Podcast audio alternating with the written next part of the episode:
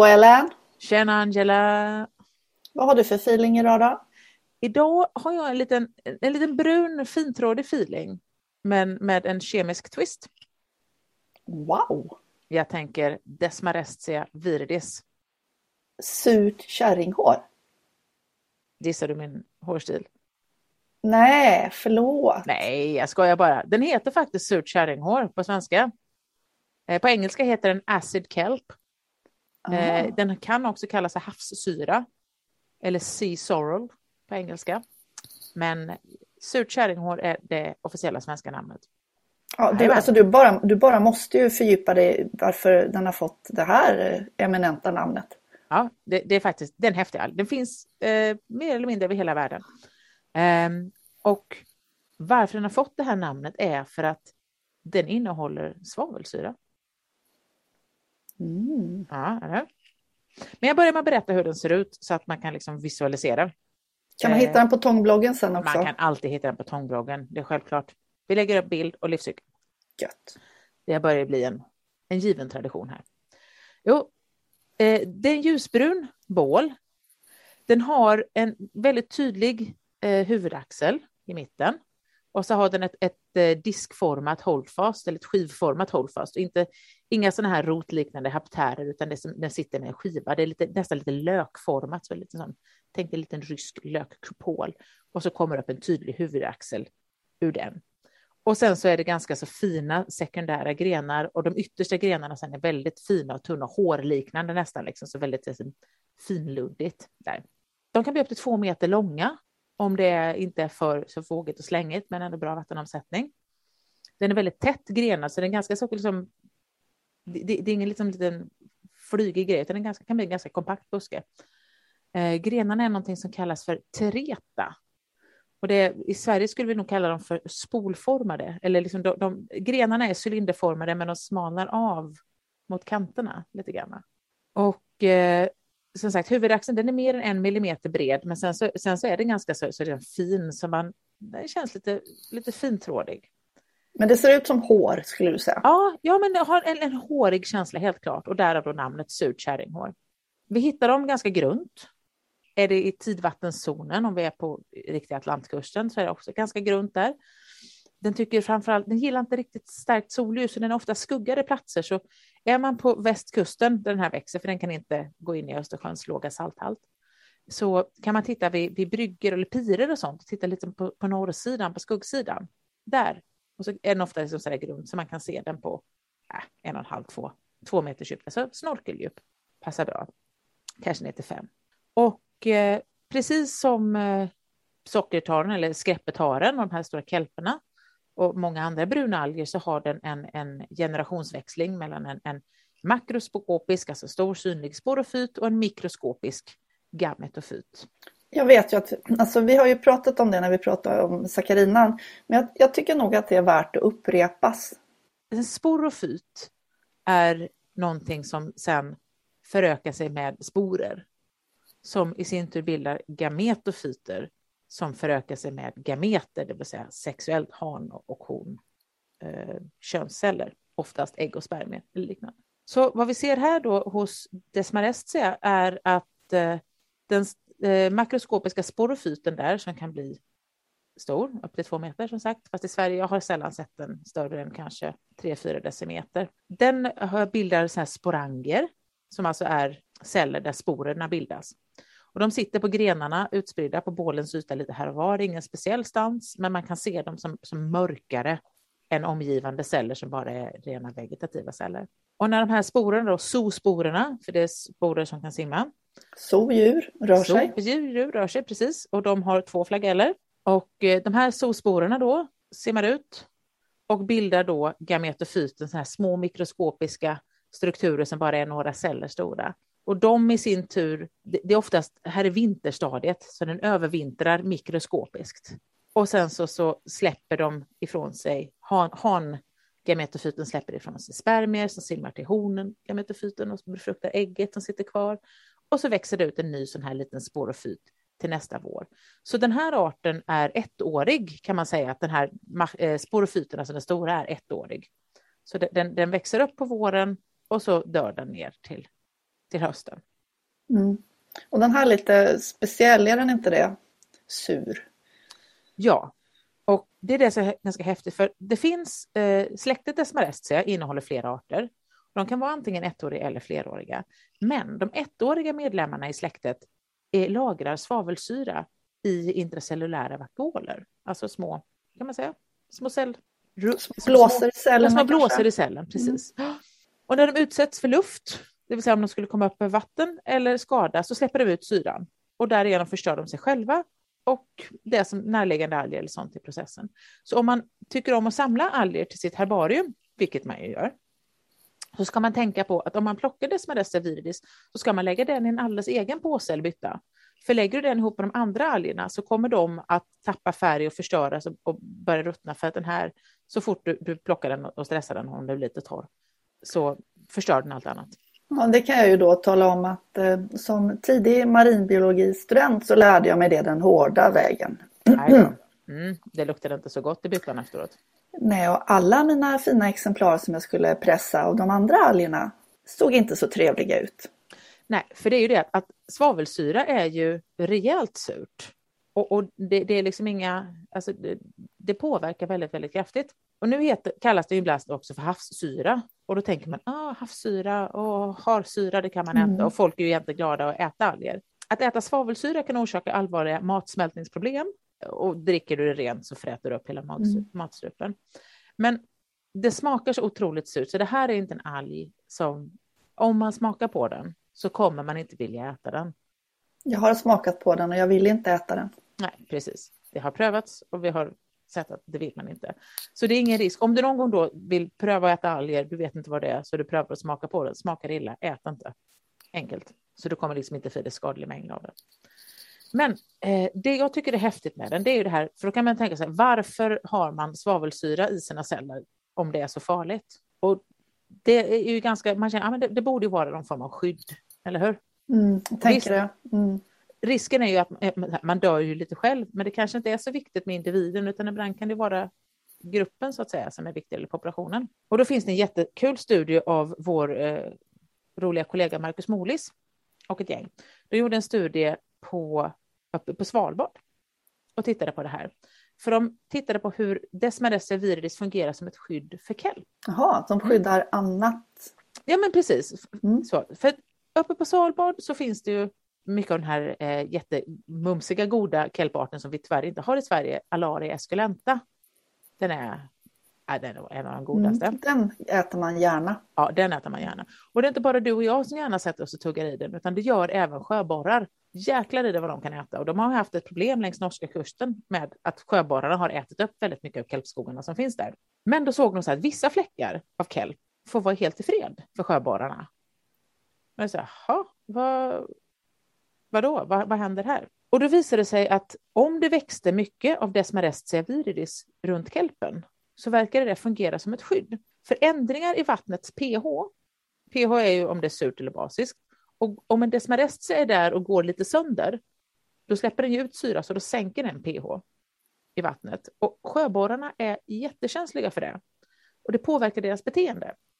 Så när sjöborrarna känner av ett sänkt pH, alltså en sån här desmeressia kanske då står och släpper ut lite svavelsyra, då stannar de, slutar beta och bara oh, oh. Mm. Ja. Och eftersom det är en ganska stark svavelsyra så räcker det med att någon, någon för de, de har ju inte ögon utan de går fram och så hugger de lite grann och tänker vad är det mm. här då? Och då kommer ett surt pH. Och är, det, är det lite surt pH så slutar de betnings... Då, då stannar de upp och liksom, nej, vi ska inte äta här. Men är det ett en starkare sänkning. Så de tittar på om man utsatte sjöborrarna för en mikroliter, alltså en droppe vatten med pH 1, så mm. surt då, som är det här.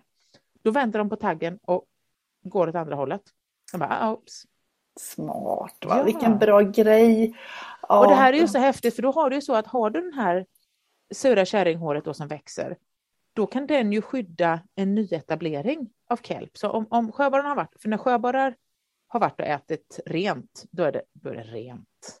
Mm. Det, kan vara, det kallas för ofta för sådana här sea urchin barons, alltså sjöborreöknar kan man nästan säga, när man ätit bort allting, alla alger nästan. Men om man då kan få dit desmarestia så skyddar den, då vill inte sjöborrarna vara där och då kan de andra nya alger liksom etablera sig och växa upp i skydd av den här kemiska. Alltså tänker man det i, i någon form av restaureringshjälp eller vad, vad, har man någon, tänker man någon tillämpning av det här eller? Jag tänker så, för jag är intresserad Mm. av restaurering. Jag tycker det skulle vara spännande att titta på om man kan på något sätt då jobba med den som en, en restaureringsåtgärd av det här. Så jag ska titta lite grann och se vad som har, har gjorts på området, för att jag, jag blev lite nyfiken när jag satt och, och letade bland det här helt enkelt. Ja, men det där, det där tycker jag definitivt vi måste återkomma till också och se vad man hur man skulle kunna använda desmarestian då för att skydda andra algarter. Ja, för det intressanta med sådana här studier är att då börjar man ju förstå de här mekanismerna som fungerar i en, en kelpbädd och hur, hur det fungerar, varför isolerade vissa fläckar av kelpbädd kan, kan, kan liksom överleva och vara då en, en, en start på en ny kelpbädd, liksom att det blir såna som frötallar ungefär, fast Mm. frökelpar. Men också hur, hur de fungerar genom då, ja, att, att, att tolererar man det här, och sen, men just att betning då, att, att du kan få kemiskt för det är ju väldigt mycket kemi i havet, mycket Mm. kommunikationer med kemin och allting, men också väldigt mycket försvar. Det, det är ju liksom riktigt saftigt där nere. Så jag tycker det är ganska spännande. Men du, finns det, finns det någonting som äter desmarestian? Inte vad jag vet. Jag har inte hittat någonting. Att, att det, finns någon som tycker att eh, svavelsyra i den ut, alltså starka koncentrationen som det faktiskt är, gillar Det- den. Det tycker jag också är oerhört spännande för då tänker man, om man tänker liksom ekosystemkoncept, vad är desmarestias roll i ett ekosystem? Det är uppenbarligen inte att vara mat. Nej, utan jag tror att den kan ha en, en tung försvarsroll. Eh, att den begränsas snarare av eh, platsutrymme, skuggning, att andra kan bli större. Den kan såklart ryckas bort av vågor om det blir för, för eh, exponerat etc. Nu vet jag, vi har ju en annan eh, desmarestia, vad heter den? Aculeata? Heter Den? Aculeata, precis. ja, ja. Har- Är den också kärringhåll. sur? Nej, den är inte det, för den är inte ettårig, utan den är faktiskt flerårig, men den ändrar utseende lite grann. Den har, har fina, fina små grenar på sommaren och så ser den lurvig ut. Men sen tappar den de här små grenarna på sensommaren och då är den mer som tunna grenar, Mm. lite taggig så. Men du, då kommer vi osökt in på det här. Alltså, de heter ju då Desmarestia som släktnamn och så har vi Desmarestia viridis. Och då, vem har bestämt att den ska heta Desmarestia viridis då? Ja, det här är lite kul, för, för det är ju det här med hur arter får sina namn. Och Desmarestia-släktet är uppkallat efter Anselme Guettin Desmarest, som var en fransk zoolog och författare. Han, han var själv son till en känd geolog och pappa till en annan känd fransk forskare. Han var inte algeolog, men det var någon som beundrade honom och därför uppkallade släktet efter det här. Och om vi då tittar på vem som är auktorn, alltså som har, har, namngivit arten, så första gången som arten beskrivs så är det den danska naturvetaren och illustratören Otto Fredrik Müller. Det var länge sedan. Ja, det var länge sedan. Det var eh, 1800, eh, 1782 var det. Och han beskriver den som Fucus viridis. Och det är lite lustigt för det här är ju inte en Fucus, men back in the days var det väldigt mycket som började som Fucus och sen så, så Ja, man måste börja någonstans. man måste börja någonstans. Ja. Fucus viridis. Sen var det eh, 1816 så är det en autor som heter Stackhouse som beskriver den som Iridea fluitans. Väldigt konstigt, men då är det någon någon annanstans som har hittat den och man har senare kunnat se att ja, men det var samma art. Men han kallar det någonting annat. Och skälet är att han inte vet att den redan är beskriven är för att internet var inte uppfunnet då. Precis. Så det var inte riktigt det här att man kunde kommunicera, nu har jag namnat den. Eh, det var lite svårt. Men då är det Karl Adolf, Karl Adolf Agard, den svenska botanikern och algspecialisten som är född i Båstad och som roligt nog faktiskt avslutade som biskop i Karlstad. Så kan det gå när man gillar alger, Mm. ifall du har sådana planer. Eh, han beskrev den som Cordaria viridis 1817.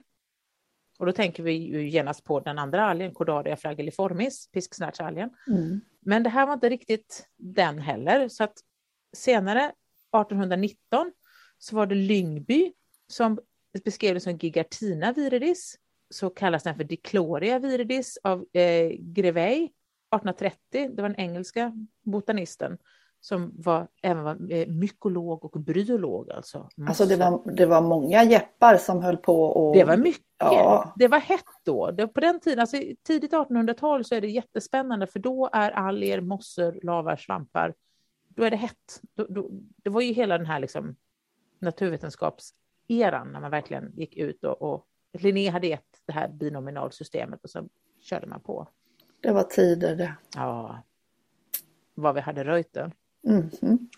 Ja, men det är lite kul, alltså 1830 så är det också så att, att eh, Greville igen beskriver den, men då som Sporocnus viridis, så han hittar väl gissningsvis då två exemplar som ser ganska olika ut och tror att det är två olika arter. Och sen så, så beskrivs den som Desmarestia pacifica 1924 av Setchel och Gardner. Och då Pacifica skvallrar om att den är i Stilla havet och att man då tror att det här är en, en art för, som finns där. Men det gällande namnet, för sen så backtrackar man och kollar och det är ju därför att det, det, ändras med namn ibland för att nej, men det här var den och den beskrevs först som det och det ska vara så här. Så det namn som gäller är då Desmarestia viridis som eh, Jean-Vincent Félix Lamoureux beskrev från 1813. Det var okay. han, ja, fransk biolog, känd för sitt banbrytande arbete med alger. Så är man eh, intresserad av alger så ser man ofta J.V. Lamoureux som auktor. Mm. Faktiskt. Men Otto Müller, hans namn står i parentes innan.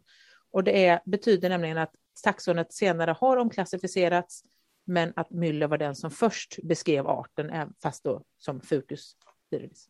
Ja, just det. Så man har, hans namn kommer alltid att finnas med efter mm. det här artnamnet Desmarestia viridis.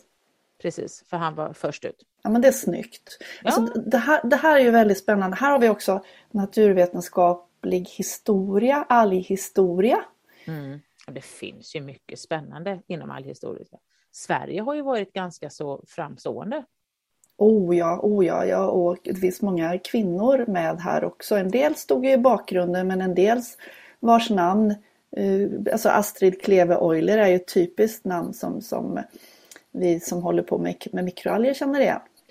Ja men precis, det finns ju några riktigt kända, både dåtida och även nutida kvinnliga algerologer.